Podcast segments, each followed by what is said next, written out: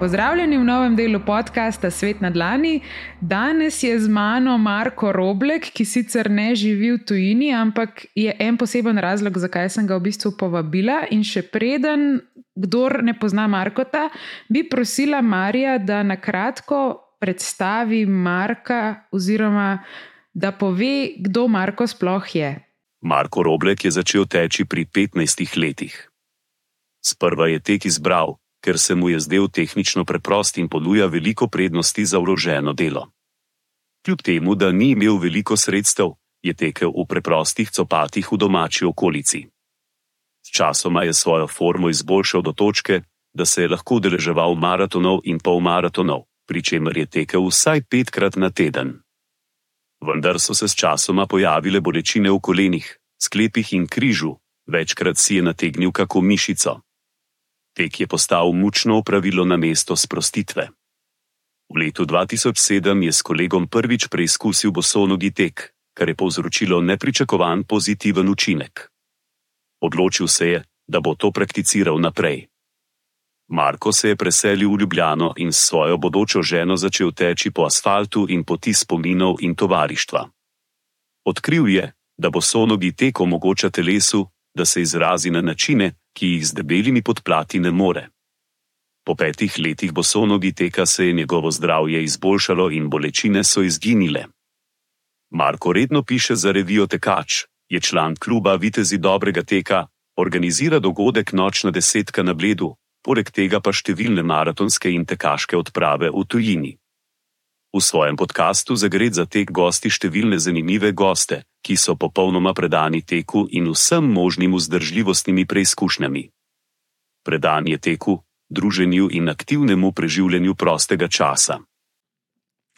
Marko, živijo, lepo, da si z nami. Ne vem sicer, če je Marijo zadev vse detajle, um, tako da bi te prosila, če mogoče na kratko dodaš še par stvari, ker verjamem, da jih je pozabil. Valeri, živijo, hvala za vabilo, res. Uh, um, koliko je zdaj le ura v Ameriki?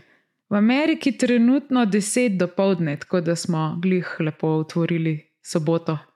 Lepo, pri nas. Uh, Kakšna je temperatura? Voda? Temperatura je pa tukaj uh, idealna, trenutno 23 stopinj. Mislim, se, vsem ste boljši, kot mi. Pri nas je sobote že konec, pa temperatura je 32. Da, um, Sem prav vesel, da se pogovarjajo, da nekaj pametnega počnem na sobotni večer. Evo, ja, veš, kaj me zanima. Um, Marijo je omenil v tvoji biografiji, bo so nogi tek, ki se bo mogoče malo še dotaknila, ampak eno pomembno stvar, zakaj sem te tudi povabila v podcast. Se pravi, ti sicer živiš v Sloveniji, ampak ta detajl, da organiziraš teke v tujini to je nekaj, kar mi je fascinantno, zato ker tudi namen tega podcasta je v bistvu, da ljudem, tisti, ki ne potujejo veliko, oziroma nekdo, ki je vse čas mogoče samo v Sloveniji ali pa tudi kjerkoli druge.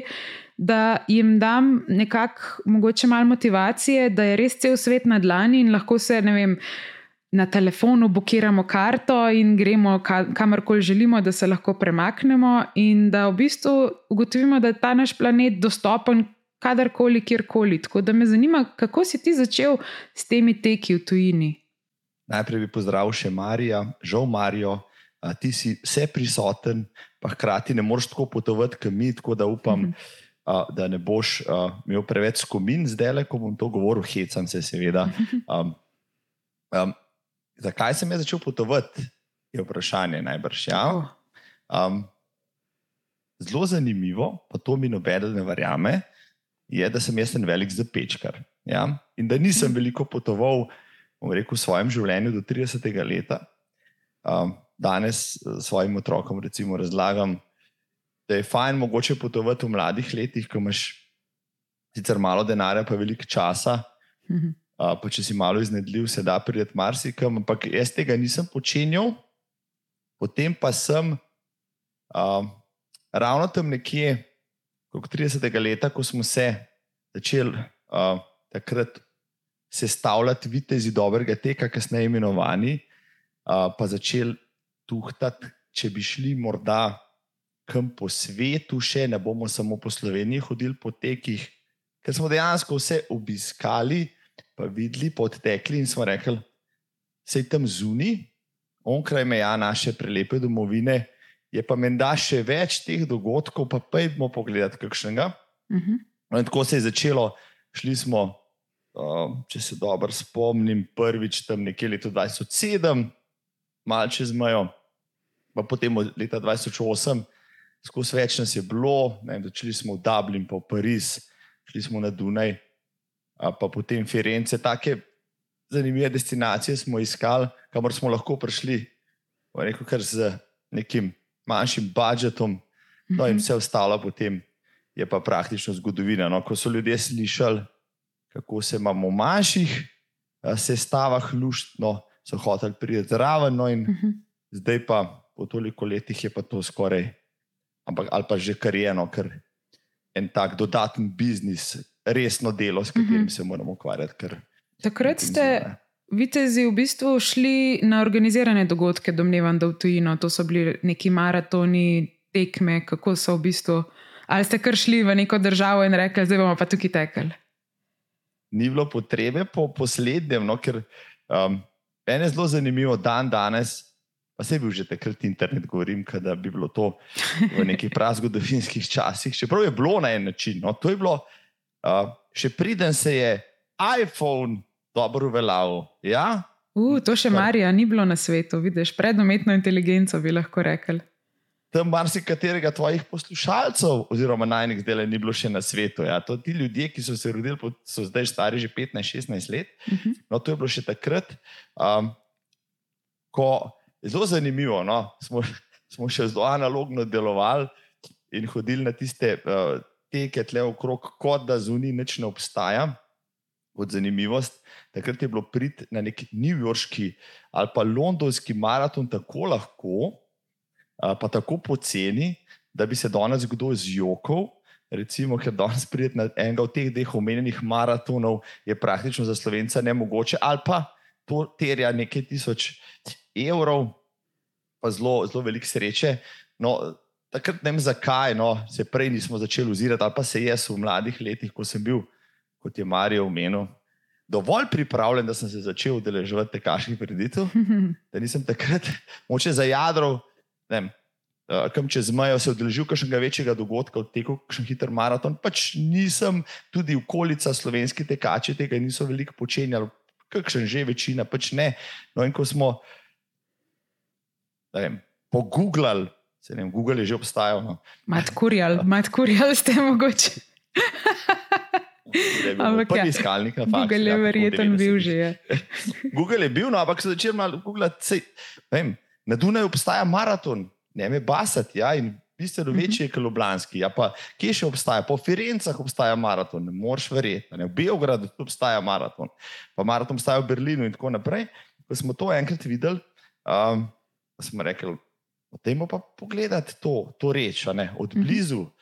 In par klikov, pa par telefonskih klicev, pa smo imeli vem, letalske karte, takrat nismo podavali z letali, v Berlini smo šli z vlakom, v Pariz smo šli z avtodomi. No, to so bili taki road tripi zanimivi, bili so malo odklopi, malo uh, zabavna popotovanja, ki so imela pa pač razlog, da se gre tja, tako plemenit razlog, to je pa maraton. Ne, tako da, uh, da nismo šli kar tja en dan nekam. Uh mhm. -huh. Mal uh, zapravljati Bogu čas, ampak smo šli na dogodek. In Uh, tako se je potem ja, zadeva začela. In ko prideš na en maraton, greš tja na uh, sejem, ker dvigneš številko na ta expo, je tam še na desetine drugih organizatorjev, ki, organiz ki uh, reklamirajo svoje dogodke in ti dajo le tako roko, pa to roko in ti to gledaš z velikimi očmi, mhm. tiste fotke avstralske obale,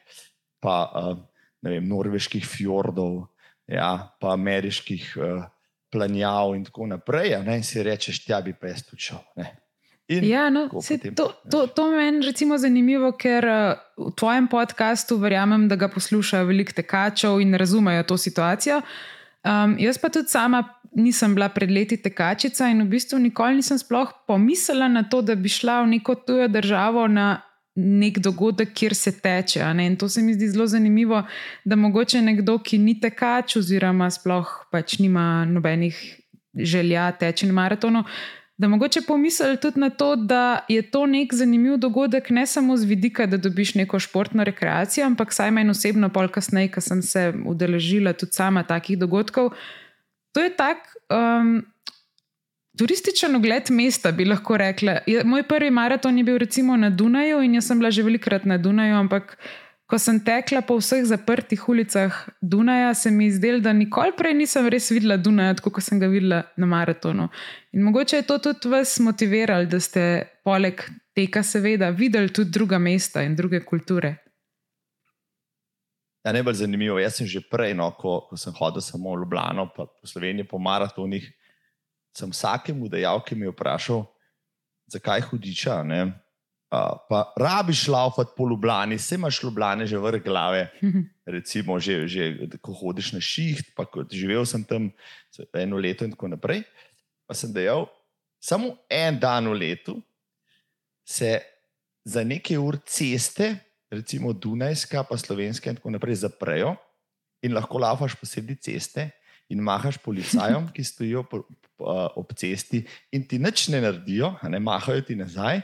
In zdaj, to je tako dober občutek. Naslednji dan se po isti cesti peleš z avtom v Geneči in si sploh ne moreš predstavljati, da je bila prejšnji dan samo za tebe, no pa še za. Recimo, par tisoč drugih, ta cesta zaprta in si jo lahko doživel kot tekač, eh, tako ali drugače. Meni se zdi, da je to tak privilegij. To je ena stvar, ko tečeš vem, ali po Central Parku, oziroma po Manhattnu, ali ko tečeš po glavni ulici proti Brandenburškim vratom v Berlinu, ali pa v Parizu po, po Elizejskih poljanah. Pa to je tako dober občutek, ne? da samo uh, sam, en dan v letu za tekače je ta cesta, da, da ta privilegij skoraj da ni, da ga ne bi izkoristil, hkrati pa to, kot si rekla. Uh, Ponavadi so proge na teh, ali pa kar, kar na večini teh ma, mestnih maratonov, speljane tako, te trase maratonske, da če se le da obidejo ali pa gredo mimo vseh večjih znamenitosti določenega mesta. In če že, ne, če že ne drugače, tudi če bi šel samo za tisti dan, pa ponavadi gremo vsaj za par dni, če, pa če bi šel samo za en dan tako mesto, odteč ta maraton bi, če bi ne tekmoval ravno, pa šel na zelo hiter čas, pa se malo zrl okrog sebe, pa vzel telefon s sabo, pa zdaj beležil še kakšno fotko, bi mesto videl na, na čist drugačen način, pa vse znamenitosti tudi z njim. No, da, mhm. um, ne vem, če je še kakšen šport, mislim, da ne, jaz ga ne poznam, ki bi na tak način lahko dal, bom rekel, nekemu popotniku, turistu, uh, ki je še mal športnika, mal tekača. Um, Tak lep pogled mesta. S kolesom ja. Sigurno nam moraš videti toliko. Pa, veš, kaj je še, recimo, um, ko si glih omenil, ko razmišljaš o teh športih. Še ena stvar je, recimo, preteku. Tudi jaz, ne, zdaj, ko grem, uh, kdaj potujem, vedno grem na nek lokalen tek, če se le da. Meni je izjemno to, da vsaj preteku, um, ker tudi jaz ne, ne tečem na čas, pač jaz tečem zato, da uživam. In si v tej množici ljudi, jaz recimo, ko sem prišla v Los Angeles, sem šla tukaj na nek lokalen tek, ki je bil v bistvu maraton, jaz sem šla na pol maraton. Um, in je bilo pač kot Los Angeles, ampak ne ta, ta glaven Los Angeleški maraton, ampak prav ta predel mesta, kjer sem bila. In sem na, takoj že spoznala lokalne ljudi, vmes smo klepetali, tekli. In ne samo, da sem pač videla sploh ta del mesta, kjer zdaj živim, ampak Takoj sem navezala neke stike in še zdaj skupaj tečemo. Mislim, tako, ne vem, kako bi drugače tako hitro lokalne ljudi spoznala in tako hitro so me sprejeli v svoj krok. Ker če kar random pridem do nekoga na ulici, verjetno mi ne bo zdaj. Mislim, tako ne moreš tazga, take povezave narediti kot z nekom, ki tečeš vsaj kakšno urco. No, tako bi rekla. Um, ja, sej, jaz sem večkrat razmišljal, uh, pa res uh, nisem talentiran za, za športe nasplošno, ampak tudi če bi bil v katerem športu, s katerim športom bi se moral ukvarjati, recimo, da bi, tako kot ti praviš, lahko spoznal toliko različnih ljudi. Uh, ampak nek maraton, nek tek, pa res, rekel, je, je, uh, se mi zdi šport, kjer smo vsi enaki, enako vredni, ne glede na to, kaj v življenju počnemo. Ne, in, uh, vsi na štartu ali pa na progi, na cilju, kjerkoli že. Uh, vse ostalo je dokaj nepomembno, ne vpliva uh, na interakcijo recimo, z drugimi ljudmi no, in, in lahko se pokonektaš tudi s predsednikom države, če se že pri tem. Pa je tisti trenutek tebi, tebi enak, svoj sotrpin, ali pa ne, s komerkoli mm -hmm. drugim, ki bi ga v življenju mogoče niti ne imel priložnosti srečati. No, tako da um, to, kar Točno praviš, to. je res. Ja. In prideš nekam in te vsi vzamejo za svojega. Ja. In, ne, vem, pravim, ne, ne, ne vem, uh, kako bi lahko drugače ne, uh, imel, imel priložnost ne, doživeti, doživeti tako. Uh, um, tako vzdušje, pa, pa, pa take feelinge. No, tako da se popolnoma strinjam s tabo. Ja, ja kaj glih omenjaš to predsednika. Tudi jaz imam tako izkušnjo in na istarskem maratonu sva se dve leti nazaj dajala s pahorjem, sva tekla drug ob drugim, na koncu ga prehitela. Tako da to je bila moja motivacija. uh, ampak, ena nula. ja, tudi jaz sem takrat začutila, da pač videla sem, da je pahor imel je sicer on svoje kolesarje, okoljka sem mu dal za pit posebej, jaz sem imela pač v, v roki svojo flaško in noben je ni nosil. Ampak tako, pač občutek sem imela, da je res vseeno, ali si predsednik ali si nekdo čez X. In preden te še vprašam po osebnih izkušnjah, Marija sem vprašala eno zanimivo vprašanje že danes zjutraj in um, ga bom zdaj še enkrat vprašala. Marijo, kater je pa najboljši maraton na svetu? Najboljši maraton na svetu je subjektiven koncept, ki se spreminja glede na to, kaj posameznik išče v maratonski izkušnji. Kljub temu pa se nekateri maratoni pogosto omenjajo kot najboljši zaradi različnih razlogov. Berlin Marathon je znan po svoji hitri in ravninski progi, ki je priljubljena med tekači, ki iščejo osebni rekord. Ta maraton je prizorišče tudi številnih svetovnih rekordov. Boston Marathon, kot najstarejši letni maraton na svetu, velja za enega najbolj prestižnih. Za udeležbo je potrebno doseči kvalifikacijski čas, kar ga naredi precej konkurenčnega. New York City Marathon je eden največjih na svetu in tekače popelje skozi vseh pet okrožij New Yorka. Je priljubljen med tako tekači kot gledalci. London Marathon poteka mimo nekaterih najbolj ikoničnih znamenitosti v Londonu in je znan po svoji množici navijačev in dobrotvornem zbiranju sredstev. Tokio Marathon, ki je del serije World Marathon Majors, je znan po svoji dobro organizirani progi in neverjetni podpori gledalcev. Chicago Marathon je priznan po svoji ravninski progi in široki podpori gledalcev. Vsak od teh maratonov ponuja edinstveno izkušnjo in priložnost za tekače, da tečejo na nekaterih najbolj ikoničnih lokacijah na svetu. Najboljši maraton za vas bo odvisen od vaših osebnih ciljev in preferenc. Marko, kaj pa je po tvoje najboljši maraton na svetu? Marijo pozabil eno stvar omeniti pri teh šestih, ki naštel to šest maraton majorsov, ki, ki tvori pač to, to znamenito šesterico, za katero se toliko, toliko tekačev na svetu prizadeva, da bi jih opravili enkrat v življenju, dobili tisto medaljo s šestimi krokci in potem s, tisto, ne, s tistim kosom rekel, pleha hodili v krok in, in ne, razlagali, koliko življenja pa najdemo so dal. Uh, v ta projekt to je res, zahtevna reč. Najboljši maraton na svetu, praviš.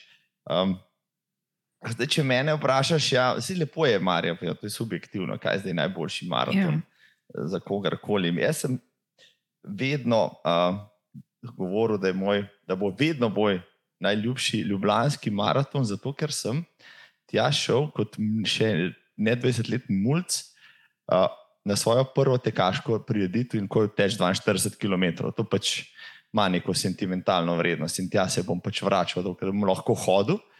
Um, kaj bi še recimo, lahko dodal, uh, kaj najboljši, lahko bi vprašal svojih vem, tisoč plus tekačev, ki so že potovali uh, skupaj z mano, z nami po svetu v zadnjih vem, 15 letih, kaj za njih, pa mislim, da bi vsak dal nek svoj odgovor. Mm -hmm.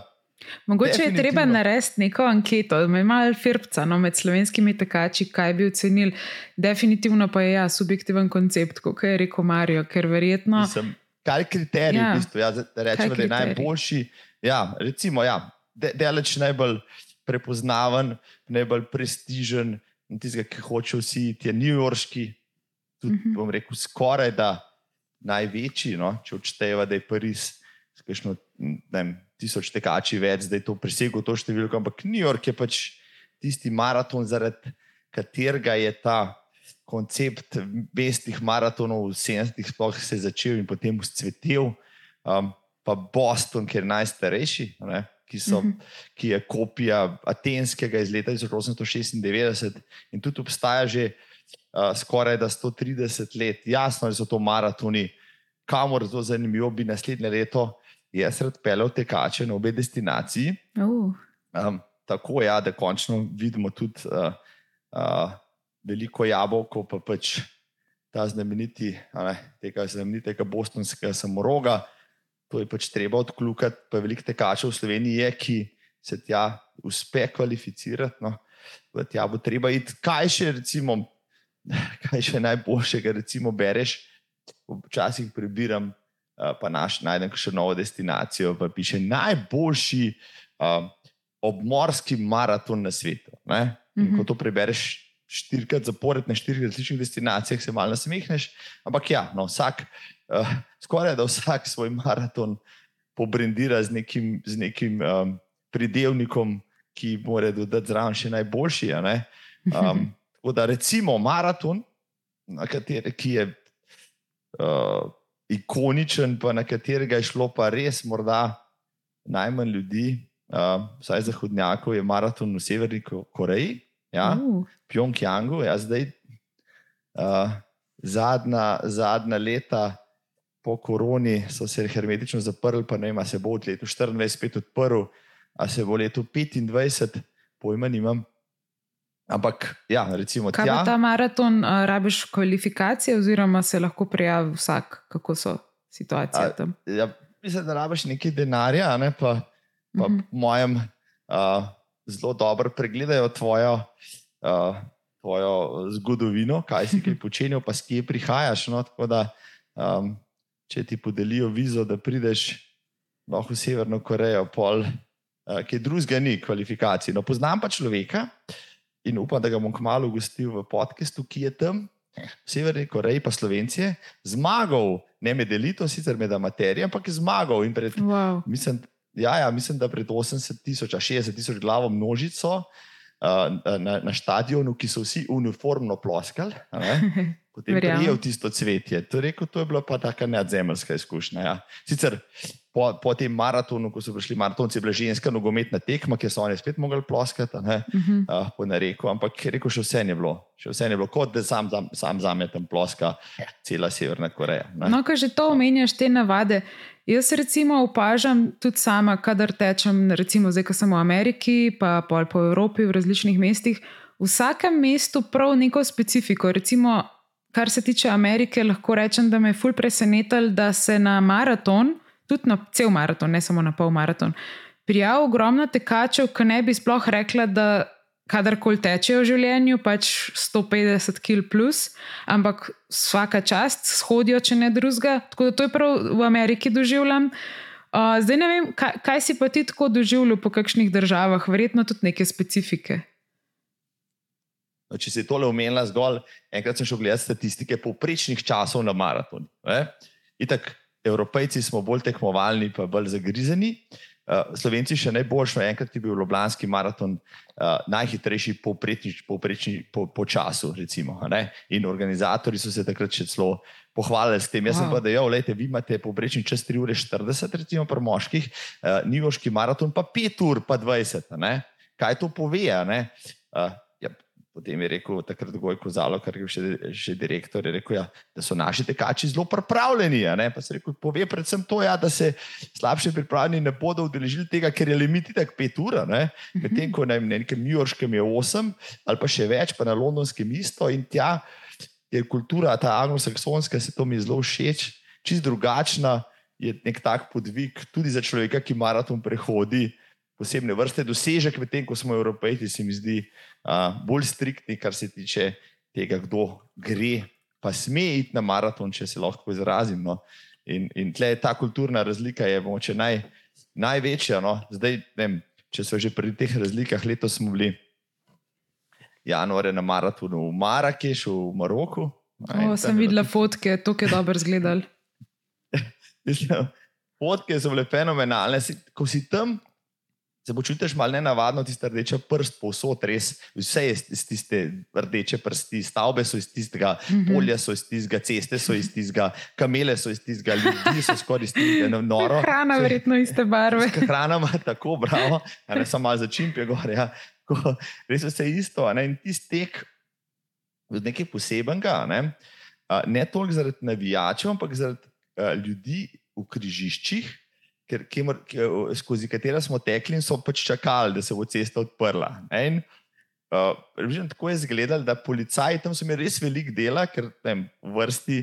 Preden so na, na, na cesti, ki je prišla v križišče, je stalo v prvi vrsti tako deset motoristov, ki so vsi navijali gas, in, in, in se je zil za njim vrsta avtomobilistov, ki so vsi z rokami mahali skozi okna. Tako, a bo kaj, a bo kaj, kljub temu, da so videli, recimo, da je tam mim laufa, ne, nekaj tisoč tekačev, pa da še nekaj časa bodo najbrž, ne? pa da je cesta zaprta, si nisi niso dal motiti, da ne bi pač izvajalo vsega tistega trušča tam. Ne? In bilo prav posebej, ne? prav, prav posebno vzdušje je bilo, uh, to ni bilo navijanje, to je bilo besnenje, ampak uh, je dodajal nekaj na tem, da si se človek lahko kar nasmehati. No. Da, veš, kaj me veseli? Veseli me, da to ni bilo v Ameriki, ker če bi bilo to v Ameriki, bi streljali na vas. Jaz sem gli zadnjič. Uh, Prejšnji teden sem šla peš, ko sem renta kar vrnila, pa pol sem šla na glavno postajo, da sem šla nazaj v svoj del mesta. In glih na poti sta se dva klošarja s neki stepla in je en vzel puško in strela tu zrak. Tako da sem zadnji kilometr do postaje tekla. Ja. Tako da še dobro, da sem tekačica v tem velikem mestu, ker me je bilo tako strah. Sem, eh, teh rešuje življenja. Ja, Čitno, ja, tako, ja, še nekaj so dodala, Sej, to, viš, pa, to, to sem pribeležil zdaj le za svoj podcast. Ja. Ja, lej, uh, definitivno v Ameriki, um, kar se tiče teh razlik, sem vesela, da v Evropi, pa verjetno tudi v Marrakešu, ni toliko orožja povsod, ker me preseneča, no, koliko je tukaj orožja, ampak mogoče je to te tematika za nek drug podcast. Če se vrnemo ja, nazaj k teku in malo bolj normalnih ljudeh, bi lahko rekla. Um, kako ste pa tekali v Marrakešu? Predstavljam si, da je bilo full vroče, tako že zjutraj, verjetno. Zdaj, um, ta, to, de, Maroko je res država nasproti. No, kar se vremena tiče, smo pa mi doživeli tudi ta nasprotje, to je bilo res noro. Prišli smo tja in zjutraj je bilo tam nič stopinj, oziroma ena stopinja. Kaj je bilo? Tako, oh, da tako mrzlega januarja še niso doživeli, pa so bili kar stari, eni wow. že okrog 60 let. Ja? Prav smo prišli v nek hladni val. Uh, kar je njih predvsem presenetilo, tudi nas, no, če pošteno priznam, ker smo pričakovali temperature tam nekje 25-20, kar so običajne za januar, za Maroko, vsaj za ta del, uh, kot Marrakeša, ampak uh, takrat se kar ni hotel potem pogreti več kot 15 stopinj, se mi zdi za tek. Glede na to, da je bilo brez oblačka, je bilo to kar super. No? Ker če bi bilo 50 stopinj več, bi bilo to kar, bi bil to kar nek safar fest. Ampak Drugače pa kar dal preteč. Idealno. Ja, v idealnih temperaturah skoraj da, ja, krčevalnice so bile, kakršne so bile, vode je bilo, kar nekaj je bilo pa zanimivo, da po štirih, mislim, da po štirih urah so oni na maratonski progi, a štirih pa pol, odprli promet. Zdaj pa oh. tisti, ki so bili še na progi, znajdi se. Oh. In pa so mi, jaz sem odtekel tam krajšo razdaljo z enim kolegom, in potem smo šli čakati pač maratonce, pa se potem tja sprehodili, še za tiste uh, zadnje. In smo videli tam ljudi, promet, ko se tam promet odpre, je to totalna, totalen kaos. Tudi, vsi trobijo, ja. vsi vozijo levo, o, desno, kar smrtno nevarno. Ja, pomes so še prege in tako naprej, ja. avtobusi. To je norišnica, totalna. Uh, no, in tisti bogi tekači so tam vijugali po pločnikih, mimo vozičkov, mimo sprehajalcev, ki se tudi niso dal motiti ki ni bilo jasen, kaj ti ljudje tam laufajo. No ta, to je bilo tudi nekaj dosti zanimivega, da pač ajde. Maraton bo, lahko odpret, eh, zaprete cesto zjutraj od 7 do 11, ampak ko je konc zapore, se za cesto odpre, da pa če v koga povozil, si pa, si pa sam kriv. No, tako da, uh, ista stvar, takrat sem se spomnil, da, da so kolegi takrat so bili v se, Severni Koreji pravili, da so teden dni pred, pred uh, maratonom dobili na mailu vestilo, da kdo ni sposoben maratona preteči v štirih urah, ne, ne se raje prijavlja na pol maratona. Ne. Pa sem si Mhm. predstavljal, da vem, če bi šel tja, pa bi tekel slabše 4 ure, zadnji, za tekačinem, namest uh, ponavadi je. Kakšno spremljalno vozilo, pa rešilc, tle so pa ne brž tanki, pa te kar strelijo, ki si prepočasen. ne. Tako da tega, tako da to, tega še nisem doživel. Ampak tako da so ene dva kolega sta se pol prijavila na pol maraton, ki sta rekla, ok. No. Ne boste tvegala glave. Ja, recimo, da ne vemo, kaj se zgodi, ampak vse ne bi šli probat tega. Ja.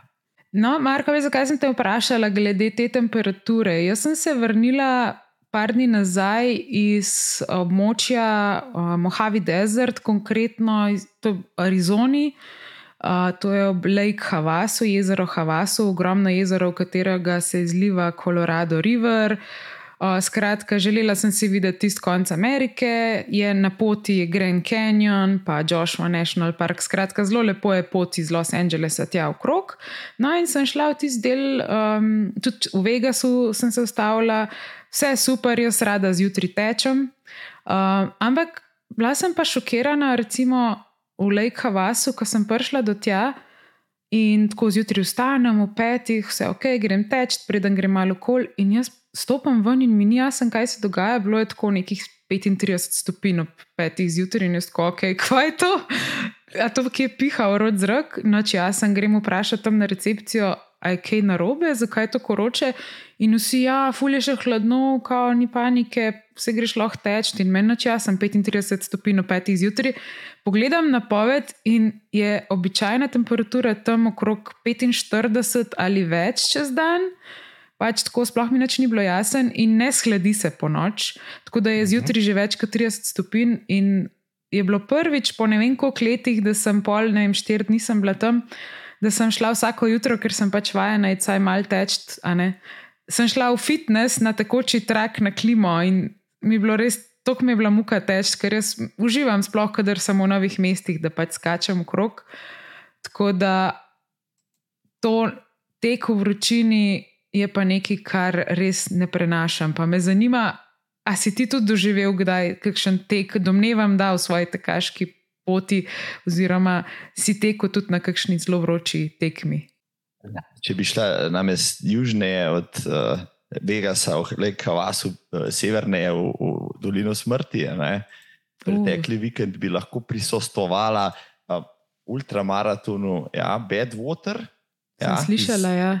Ja, to je bilo zdaj le, tudi je bilo nekih 45. Par slovencev.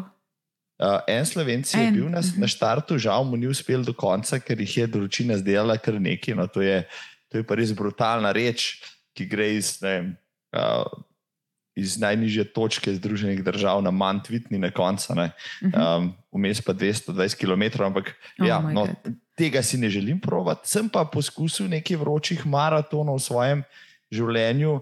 Um, ko, je bilo, ko je bilo res vroče, spomnim se recimo um, svojih ne, prvih radenec leta 97, ko je bilo tudi 32-33 stopinj na štartu, to je bilo maja popovdne, v soboto je bil štart. Um, danes bi recimo. Če bi kdo to organiziral v Sloveniji v taki temperaturi, ga kar zaprl, po mojem, ne, bi rekel, da je to mučenje ljudi. Kaj je pa to še bilo? No?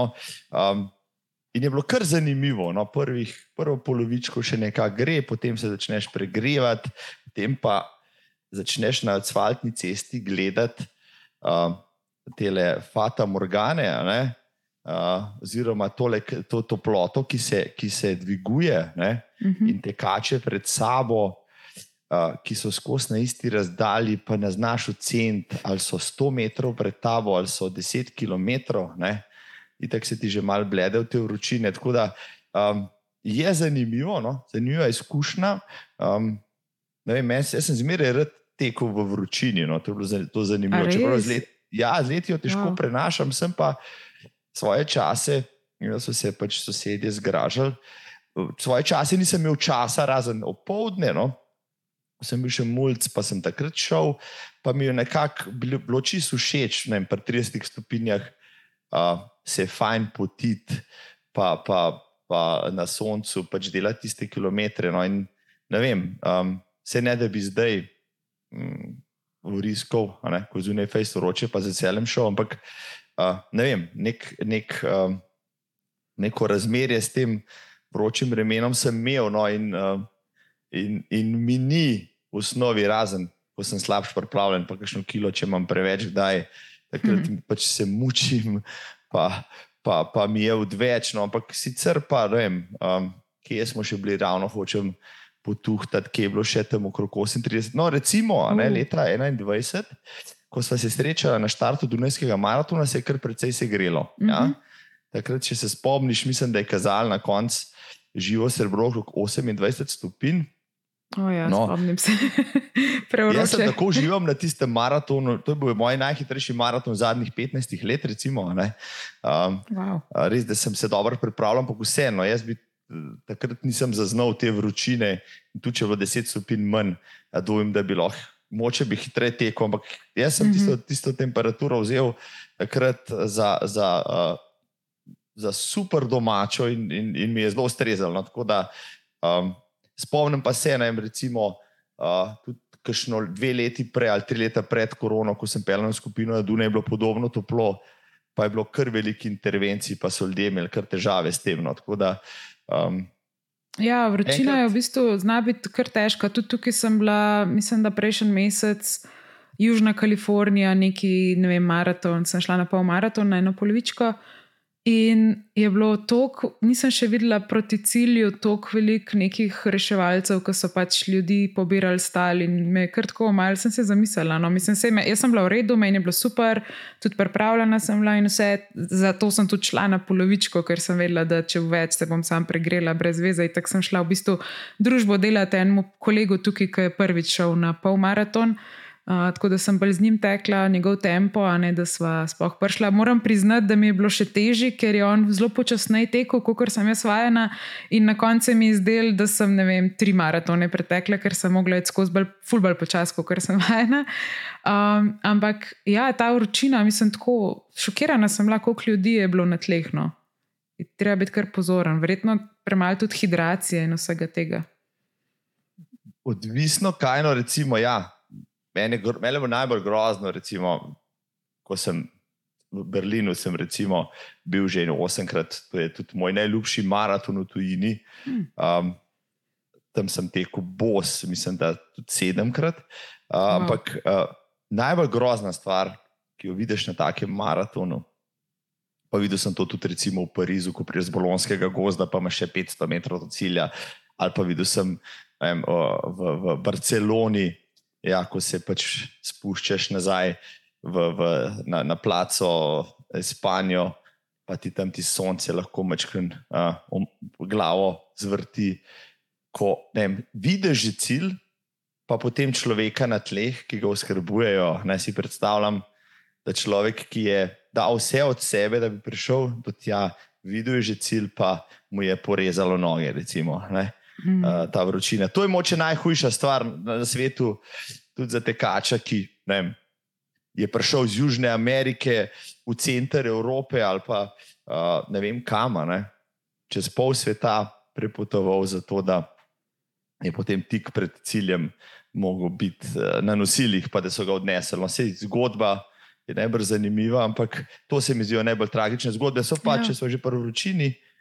Um, mesec nazaj, dober, smo, smo se uh, podili po, po škotskem višavju, v Edinburghu smo bili na maratonu. Čisto netipično vreme je bilo, cel, cele štiri dni smo bili tam, skoraj da pet temperature, okrog 20-25 stopinj. Wow. Idealno. I, i, idealno za nas, malo premražene slovenške, ki smo dolgo zimo ko mi čakali, da jo presekamo z nekim malo toplim vremenom. No, in potem nam jaz ja dvigam za skupino številke, govorim tam z enim organizatorjem in on vprašam, vreme je pa lepo, kaj ne, ne? gospod. Uh, uh, Kar koli že, McDonald's. Mek neki, tako. Pa on reče, me grdo pogleda, pa reče eno vulgarno besedo. Ja. No. Reče, k vragu, tale vreme nas je res pustil na cedilu. Pa sem rekel, zakaj? Ne? Je rekel, gledaj, tukaj na maratonu bi mogli biti ne, oblačen, malo deževen, 8 do 10 stopinj. To je to. Ne? Tega smo vajeni. Rekel, zdaj jih je pa 20 plus in zdaj ne bo dosti rešilcev, ne bo dosti vode in vsega. In res, naslednji dan, ko tečemo, štart polovičke je bil ob 8 maratona, šele ob 10, tisto sonce. Je dejansko luštene bilo, lahko rečem, polo parku, ko smo se po cilju dobivali lušten, posedali smo na travi, srebali smo pivo, super je bilo, kot piknik. Ampak v progi pa groza in strah. Uh, na vsakih nekaj kilometrov je nekdo ležal, pa so ga oskrbovali, mu dvigali noge, celo no, enega so uživali in tako naprej. Ne.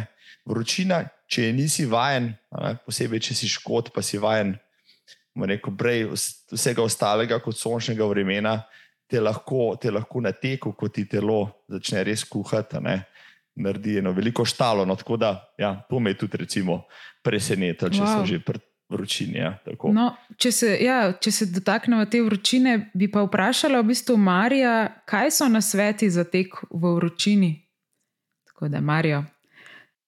Tek v vročini predstavlja dodatne izzive, saj se telo mora spopasti z višjimi temperaturami, medtem ko se poskuša ohladiti in opravljati zahtevno fizično aktivnost.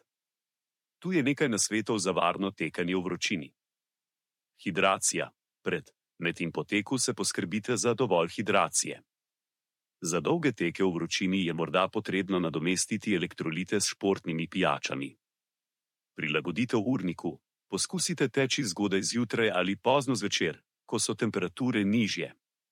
Če to ni mogoče, poiščite senco ali proge, kjer ni direktnega sonca. Pravilna obleka: oblecite se v svetla, ohlapna oblačila, ki odvajajo znoj.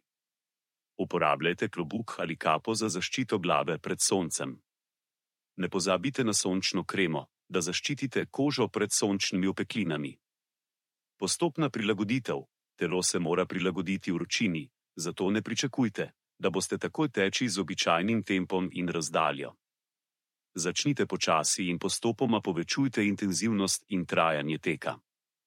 Pazite na znake pregrevanja, če se počutite omotični, slabotni, imate hitro srčni utrip ali izgubite potenje, to so lahko znaki, da se pregreva. V takih primerih se morate takoj ustaviti in poiskati hlajenje. Hranjenje. Izogibajte se težkim obrokom pred tekom in se osredotočite na lahkotne obroke, bogate z vodo, kot so sadje in zelenjava. Pazite na zdravje. V primeru zdravstvenih težav, kot so težave s srcem ali dihanjem, se pred tekom v vročini posvetujte z zdravnikom. Pomembno je, da poslušate svoje telo in ne ignorirate nobenih znakov, ki bi lahko pomenili, da se pregreva ali dehidrira. Tek v vročini je lahko zdrav in prijeten, če ste pripravljeni in previdni. Uh, Marko bi dodal še kaj, kar se Marija tiče. No, je, je zadev. Pravi, vrstno delo, res je. Ne? Mogoče samo še to, da res, saj jaz kar opažam, ne samo pri sebi, tudi pri tekačih, ki jih poznam, jih vozim okrog in tako naprej, se z njimi pogovarjam. Pomladni maratoni so lahko uh, tako mal, mal hinavski. Recimo, Posebej zdaj, ko se je aprila, lahko že precej se gre in aprila je največ maratonov, takih mal večjih že. Takrat je recimo Dunaj, Boston, Madrid, je takrat um, Barcelona, že mal prej, Rim in tako naprej. Ne? Ko se v teh destinacijah se gre, je hitro čez 25-25 stopinj, mi pa uh, veseli um, tekači, uh, ko celo zimo hrčkamo, pa delamo kilometre v temperaturah okrog nič do deset, smo lepo pripravljeni, vse imamo, samo navajeni nismo na toploto. In ko pridemo tja, ne, nas uh, hitro začne.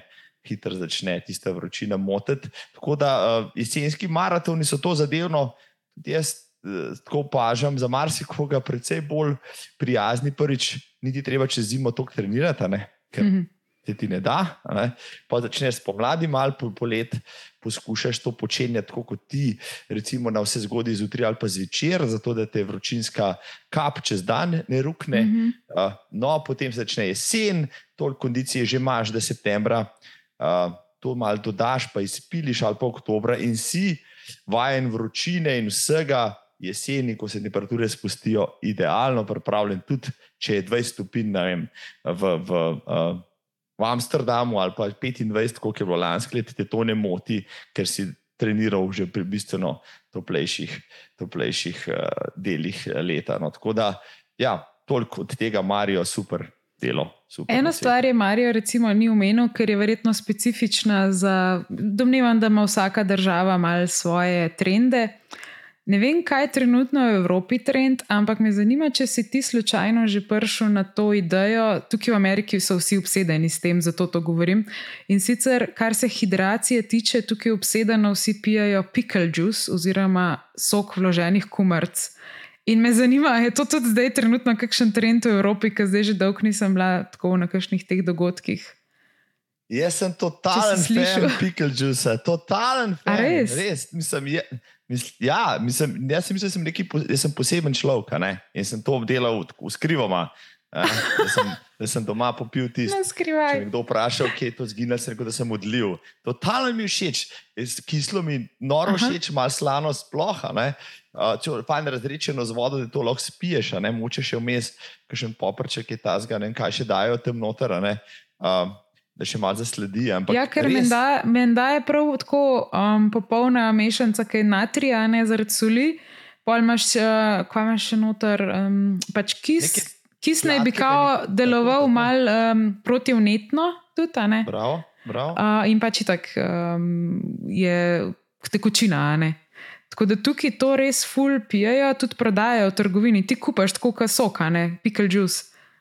Povsod, tako na litre. Noro, oziroma noro, galone. Kaj, kaj, ljudje božji tam zunaj, kaj ste vsa ta leta delali, poslovne priložnosti se ste vlivali v lijak. ne? Ja, nam ste to odlivali od kumrc, ja, lepo predsedili, zapakirali, pa dali nazaj na police. Noro. Evo, jaz sem vedel, da je nekaj na tem.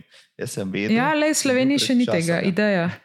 Tako, evo, zdaj bom, evo, vse, ves, uh, uh, zdaj bom začel po hišah pobirati uh, odvečni juice, pa ga pakirati. Ja, ej, prav na, v tem kraju Havasu, um, tukaj, ko sem bila v tem vročinskem valu, pa to so imeli recimo štante, a ne pa so imeli neke te hodoge, ki imajo tako povsod, pa pickle juice. Tako da to so ljudje z veseljem jemali, otroci, vsi na teku, ko sem bila prej, prej ko sem omenila ta nek South California, so imeli tudi na teh uh, postajah vmes vodo, elektrolite, pa pickle juice. Tako da Noro. To je Mislim, trend, ki bo prišel. Pa, trajnostno je, Valerij, trajnostno. Mislim, a smo našli recimo, recept za reševanje planeta še na enem področju, preteku. Evo, tako. Mislim, noro, to, ta trend evo, je treba pripeljati v Slovenijo. Jaz predlagam, Dragi mogoče, da nočna desetka ne bo samo kremšnita, ampak zraven še sok uloženih kumrc. Prvi Sloveniji bomo, ki bo, kjer bo pikal čust na evo.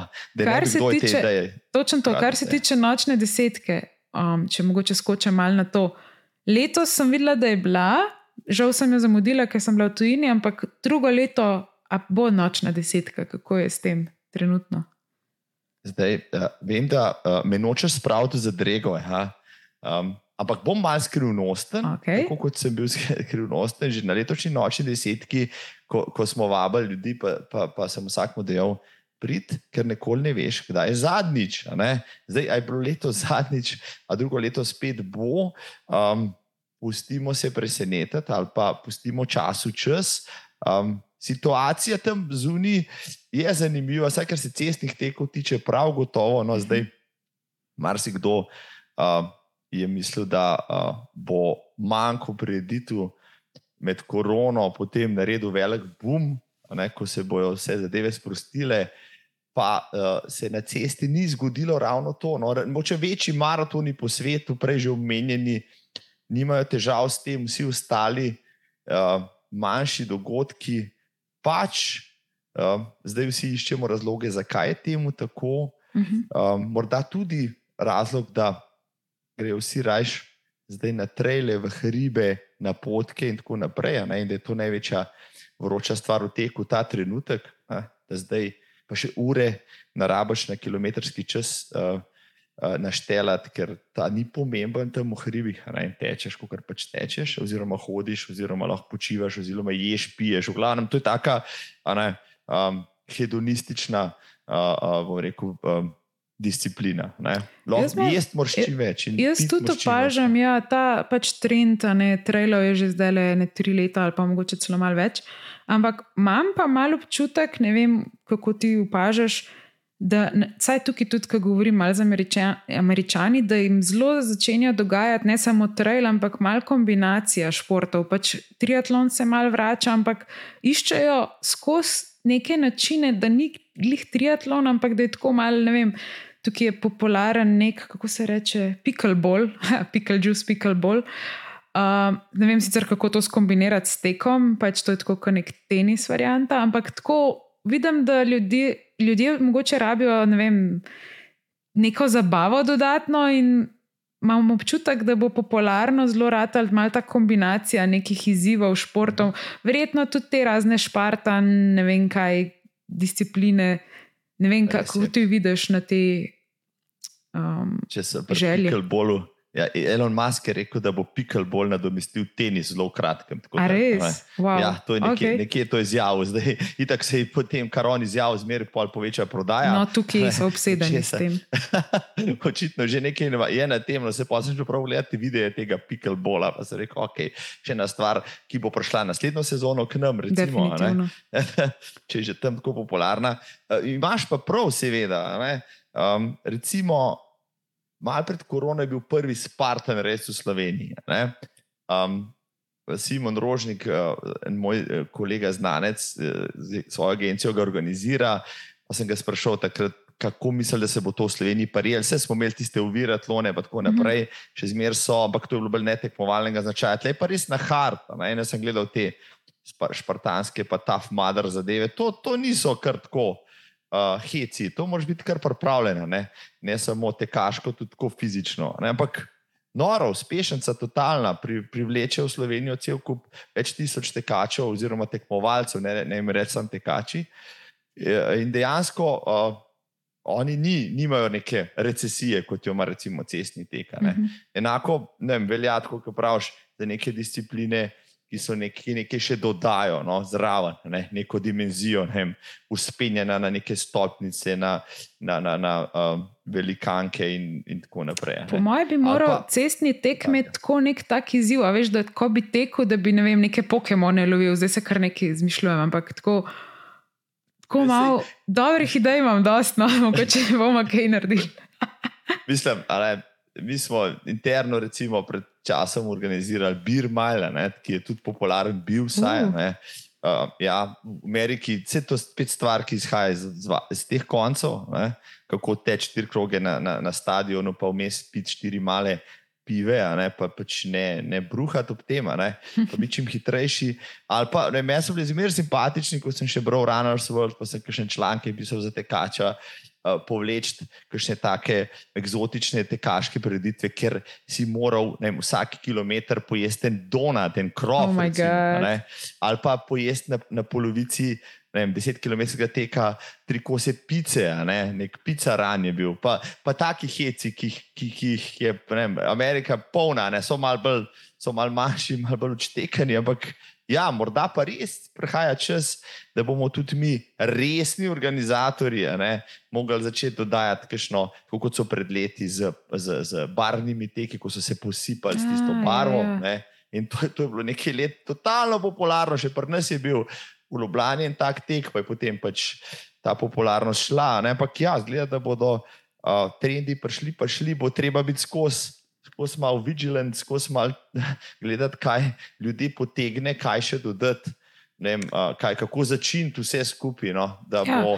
To pa mogoče tudi potovanje. To, recimo, zanima me, ti verjetno trenutno organizirate nekakšne teke v tujini.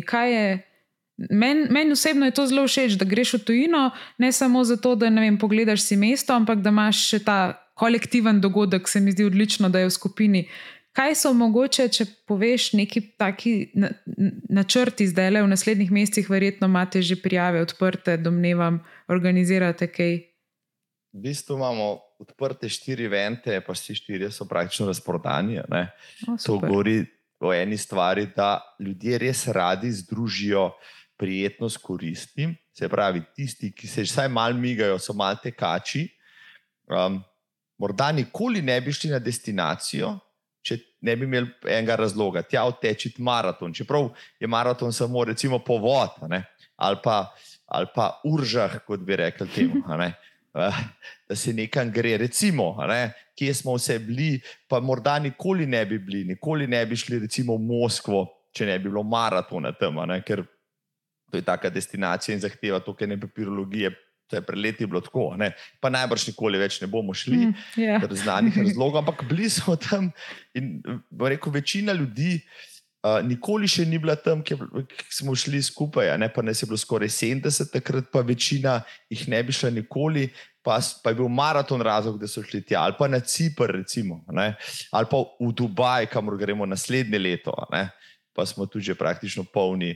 Um, gremo recimo v, v Tallinn septembra na Baltik pogledati malo. Recimo, to je taka destinacija, ki jo turistično morda nikoli ne bi izbral, nihče ne bi izbral, uh, da bi potoval tja, ampak sam maraton, pa greš gledati malo maraton, pa te že maratonske fotke potegnejo, pa te potegnejo fotke mesta kot takega in si rečeš, tja, moram tudi oditi, odteč nekaj. No, in, in potem ljudje začnejo zbirati te, te države, pa, mar, pa destinacije, kjer so tekli, kjer so videli. Rekel, mesto na dveh nogah. In to je, bom rekel, posebna, posebna strast, lahko. No, in, in um, čist drugačne spomine tudi ustvarjaš, uh, ko greš nekam po svetu, tako le teč, ko greš nekam, da reč, kar trpet, pa si zasluži tisto medaljo, ki je nekaj posebnega, ki s sabo nosi pač cel kup enih zgodb. Vse greš lahko, recimo, vem, v Lizbono, ali pa greš lahko vem, v, v, v New York, ali pa greš lahko v Avstralijo, ali pa v Južno Afriko, v Cape Town. Na do dopusta. Ne? Ampak, če rečeš, pa maraton ti je odlaufen, pa imaš potem na steni ali v škatli v, v kleti pač tisto, tisto medaljo, ker gor piše, uh, se ti pa, se pa ti spomini čist drugače. No? Pa potegne vse za sabo drugače. Je pa ta skupinski način potovanja tudi nekaj posebnega, to lahko morda uh, potrdijo vsi tisti, ki, ki so šli že tako z, z, skupaj z nami uh, po svetu. Pa tudi sam lahko rečem, no, da uh, nisem, bom rekel, lih navdušen potovalec, pa backpacker ali pa ne karkoli, no, da bi vzel zdaj kufrček pa šel po svetu. Uh, Raziskati svet, ampak tako skupinska dinamika je pa čist nekaj posebnega. No. Um, se kar ljudje se povežejo, se skonektajo na drug način, um, drugače vse skupaj doživljaš, ustvariš, sem rekel, neko svojo, svoje domače okolje, ker si vedno varen, ne, Mhm. hkrati, hkrati si pa lahko drzneš, morda biti tudi malo avanturista, no, pa sprobati kakšno stvar, ki jo drugače ne bi, ne se ne vem. Ne, a bi, a bi, ne vem, če skupina gre nekam, pa poskusi neko novo jed, neke polže ali pa ne vem kaj, je čist drugače to, uh, kot pa če bi šel sam. Moče te samega ne bi zvabili v kakšno špelunko, ampak tam pa več ljudi, se pa rečeš, ok, se smo vsi skupaj v tem zosu, se bomo že izvlekli iz tega. No, in, in, uh, Točno to Malo in verjetno je tudi super, ker, ker greste pač uh, skupinsko na neko stvar, torej cilj je isti in se mi zdi tudi, da ni to neka naključna skupina potovalcev, a ne kot so običajne v agencijah, ker ima vsak neko svojo agendo, tukaj je pa pač cilj nek dogodek, torej tek. In imam občutek, da se veliko bolj povežejo ljudje med sabo, tudi če se ne poznajo odprej, te, ki potujejo, verjetno. Mislim, Si to že, že predstavljam. šta, ja, tako že v štartu, ko gremo tja, ne prvič, ali si že poznaš odprej. Pa tudi, če se ne, no, tudi novinci, ki pridejo, se zelo hitro vključijo, ker uh, če imaš uh, tek za icebreaker, ne, za Mhm. rdečo nit, je vse lažje, je vse stokrat lažje. Se hitro sprostiš, ti prideš med ljudi, ki jih ne poznaš. In če boš začel pač spraševati ljudi, kako grejo teč, pa kako so se pripravljali, pa kaj pričakujejo, imaš koj pogovor. Pa zihar so perge, pa katera Tak- ura, pa Tako, a si tako, na tako. stravi, joj, ja, vse no, pa kje je. Pa sem te videl, pa take To, to, stvari. to, ja. In, in potem, zraven, pa še pač itaka, ne, je reš na maraton. Ja. Ne. Maraton vendarle ni. Uh, rekel, en koncert ne, v Amsterdamu, ko greš uživati, Mhm. mm -hmm. uživati za tri ure. ne. Ti vendarle greš tja, še meni ima strah, že vse ima strah o spoštovanju. Ti Ja. si se pripravljal, ti moraš to odteč, ti moraš to zgr, zgrati, moraš 42 km, recimo, pa tudi 21 za marsikoga. Se tudi prehoditi je težko, kaj pač eni rečejo, ja, si pa ne vem, pol maraton na prehodu. Mislim, kdorkoli lahko 40 km zdaj le prehod, Tako. bi rada videla. No. je car, je tež, včasih je 42 teže. Jaz zmeraj trdim, ne, da tisti v Londonu, recimo letos sem jih gledal, tekače po 8 urah in pol, še vedno na progi. Wow. In potem sem bral njihove zgodbe in sem, to, kot je Marijo prej rekel, tam, tam je ta dobrodelnost, ta charity, tako uh, um, rekel, vse obsegajoča, ne, da praktično ni to tekača, lokalca. Uh, Angleža, domačina, Britanca, ki ne bi tekel za eno stvar, naj si bo za neko, za neko organizacijo ali pa za nekoga, prijatelja, družinskega člana, ki se bori z neko boleznijo ali pa s čimarkoli. No. Tako da te zgodbe so res srce parajoče, ljudi na berglah z lesenimi oziroma z umetnimi nogami. Tudi brez nog sem že videla. Tako, za nore stvari se tam dogajajo. Ja. Noro, nore stvari se tam dogajajo in to ti res, ko to vidiš, uh, ko to vidiš, te res, te res, uh, te res dvigne. No, in, in uh, tega, recimo, ne moreš uh, doživeti nikjer drugje. In, se pravi, ko, in, in, in ko skupina potuje tja, vsak z nekim svojim pričakovanjem, vsakim svojim strahom. In ko ta strah potem lahko deliš s tekačem, ker on te razume. Ne?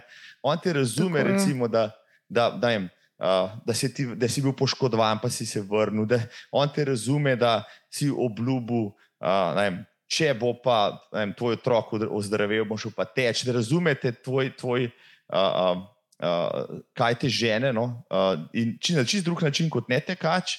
In potem, uh, ko se skupinsko gre tja, kot se ta napetost raste, ne? en drugega v bistvu uh, že tako mal miriš.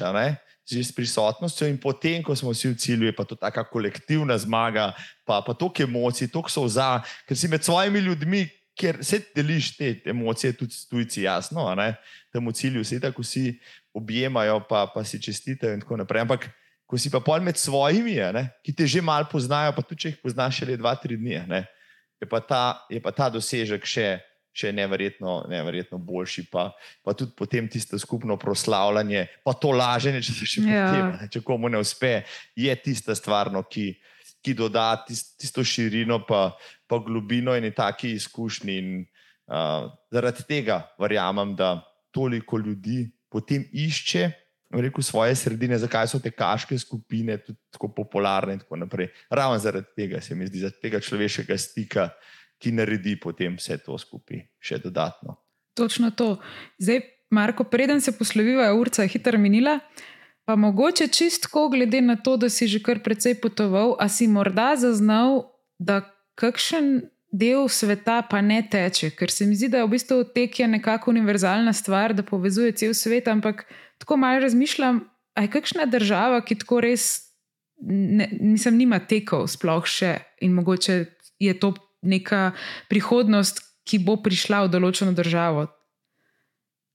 Um, ne vem, koliko tekov je ta trenutek v Afganistanu, bi rekel, da je bolj malo. Uh -huh. um, Lansko sem bil na eni konferenci v Štokholmu, sem tam srečal človeka, najbolj znanega človeka na svetu iz Konga. Ja, uh -huh. uh, ki me je povabil na njihov maraton, recimo, wow. pa si nikoli ne bi mislil, da imajo tam kakšen maraton, pa ga imajo. Uh, verjamem, da je veliko držav na svetu, ki so mogoče um, ta trenutek brez tekaških pridov, ker se dajo z bolj eksistencialnimi ja, problemi, ne kot tek sam, ja, tako z vojno. Recimo, če so že pri vojni pred. Uh, dost uh, pred, pred korono, pred to krizo, pred to vojno v Ukrajini, sem se pogovarjal z eno kolegico, ki mi je dejala, da je treba iti v maraton v Kijev, ker je mhm. res lepo mesto. Pa smo se pogovarjali, da bi res enkrat šli. No. Uh, pa zdaj lahko rečem, da bomo šli, ko bo konc te, uh, te norišnice, te vojne, te morije, bomo šli. Uh, uh -huh, uh -huh. Mogoče ravno s tem pokazati, da, da, da, da cenimo potem vrnitev nazaj v normalnost, v Kijev na maratonu. Ja, je veliko predelov mesta, jaz večkrat rečem, uh, pa da bi imel slabo vest, ampak tako se zavem, da je to privilegij, kar počnemo. Ne samo to, da tečemo, je to luksus. Luksus je tudi to, kar počnemo s tem, ko potujemo po svetu. In da smo res, um, bom rekel, um, eni redki izbranci, ki imamo to priložnost, da iti na drug konc sveta, pa tam teč med ljudmi, uh, ki jim tek morda ne pomeni toliko, uh mhm. -huh. kot pomeni nam. No, in, in se zavedam tega, no, in mislim, da se večina ljudi, ki to počne, tudi tega zaveda, da smo, da smo uh, privilegirani in da prav, da uh, se za ta privilegij tudi zahvalimo. Rekel, Točno um, to in tudi všeč mi je, da ogromno prireditev res ima to dobrodelno noto. Jaz sem bila kar presenečena, ko sem se začela udeleževati teh zadev, koliko je res tega. In ne samo, da se zbira denar za določene organizacije, že samo to, da se da motivacija ljudem, da je to neka zmaga. Recimo, včeraj sem gledala nek dokumentarc pa sem pozabila ime enega človeka, ki ga je čist ogen, opadel je v nek ogen in mu je cela koža zgorela, ne vem kaj. Ampak ko je on ukreval, je v bistvu že med ukrevanjem skoraj že obupal, pa mu je mama takrat rekla: da je zbor, bi pozdrav se če si želiš, vedno si rekel, da bi rad maraton tekel, nisi ga še nikoli v življenju, naj bo to tvoja motivacija, da boš pa mogoče en dan šel na maraton. In je rekel, no, ta človek pol, da je med ukrevanjem vse čas mislil na to in se mu zdi, ker sem mu tudi rekel, da mogoče ne bo mogel več hoditi, ne, ker je bil tako popečen. Mu je bil ta tek, taka motivacija, da je ta gospodič res na koncu šel na maraton in pol še na full maraton, skratka, čist divje življenje je pol še imel. Uh, ampak tako, wow, kako lahko tek ne samo pač neka aktivnost, ki jo veliko ljudi obravnava ne za neko naključno aktivnost, bi lahko rekla, ampak je zbiranje denarja, je druženje, družba, način življenja, motivacija, sprememba, totalna, tudi meni osebno je ful spremenilo v življenju. Tako da sem vesela, no, da si bil dan z nami, da si tudi delil svoje izkušnje, da organiziraš te dogodke in upam, da boš ogromno ljudi še pel v tujino pa glede na to, da si še poln energije, motivacije in vsega, verjamem, da bo še marsikakšno ušpičil, tudi tako zabavno. Uh, se veselim, no? tako da bom definitivno zraven. No, Valerij, hvala še enkrat za vabilo, res mi je bilo čast. Uh, Ker sem za pečkar, predvsem, ne, ti pa gostiš svetovlane tukaj. No, tako da jaz sem popotnik bolj po naključju kot, kot za res. Ampak um, vseeno, letos, ko bom spet po nekaj letih teku uh, na Tenah, na klasičnem maratonu. Kadarkoli sem tam, sem rekel, da bom odtekel, ker to pa je ja. stvar, ker se boš bogovom maratona pač, uh, uh, prikloniti in jih počastiti. Ko pretečeš na, na Tenajko stadion, no takrat uh, tam. Bom pač, pač spet ne, dal svoj dar, in, in lej, um, upam, da se kmalo vidi v Valeriji, Eh, na kakšnem maratonu, zdaj ne vem, koliko časa bo še. Vračam se jeseni, tako da od jeseni dalje, kar bo, verjetno bo v Ljubljanski prvi, no, kjer se mogoče no, srečamo. Tam bo pa skrb neki ušpičila, no. če, če si že rekla. Sem povedal. Pravočasno, kjer hec bo letos na sporedu, Aha. pa to špičimo skupaj. Evo, Definitivno super. tečemo skupaj in eh, lepo zdrav čez lužo, Marko. Čau, čau. Hvala, Valerij, srečno, lepo se mej. O, nekaj sem pozabila. Marijo mi cuka za rokav, da je tudi tokrat napisal pesem. Marko, tvoja zgodba ga je zelo inspirirala, tako da, Marijo, prosim, povej, kaj si spesnil danes. V 15 letih je začel teči Marko, v copatah skromnih, a korak mu bil je širok. Kot maratonec hitro znan je postal, a bolečina ga je prehitela kot vihar. Na to bosonogi tek je odkril, in novo življenje je začel graditi, srečo obil. Po asfaltu Ljubljane je bo stekel in s seboj zdravje in mir je vlekel. Pripovedi svoje v revijo je pisal, vitezi dobrega teka so se mu smejali. Maratone, odprave je organiziral, v tujino pogosto odšel in se spomnil, kaj ga je življenje naučilo. Podcast za gred za tek je zagnal in z njim številne goste je gostil. Za tekom so se zagreti dali in ob vseh preizkušnjah so se skupaj smejali. Marko Roblek, maratonec z dušo in srcem, ni zgolj tekač, temveč tudi življenje umetnik. S svojo strastjo, predanostjo in pogumom pustil je sled, ki ni samo v prahu pod njegovim nogam.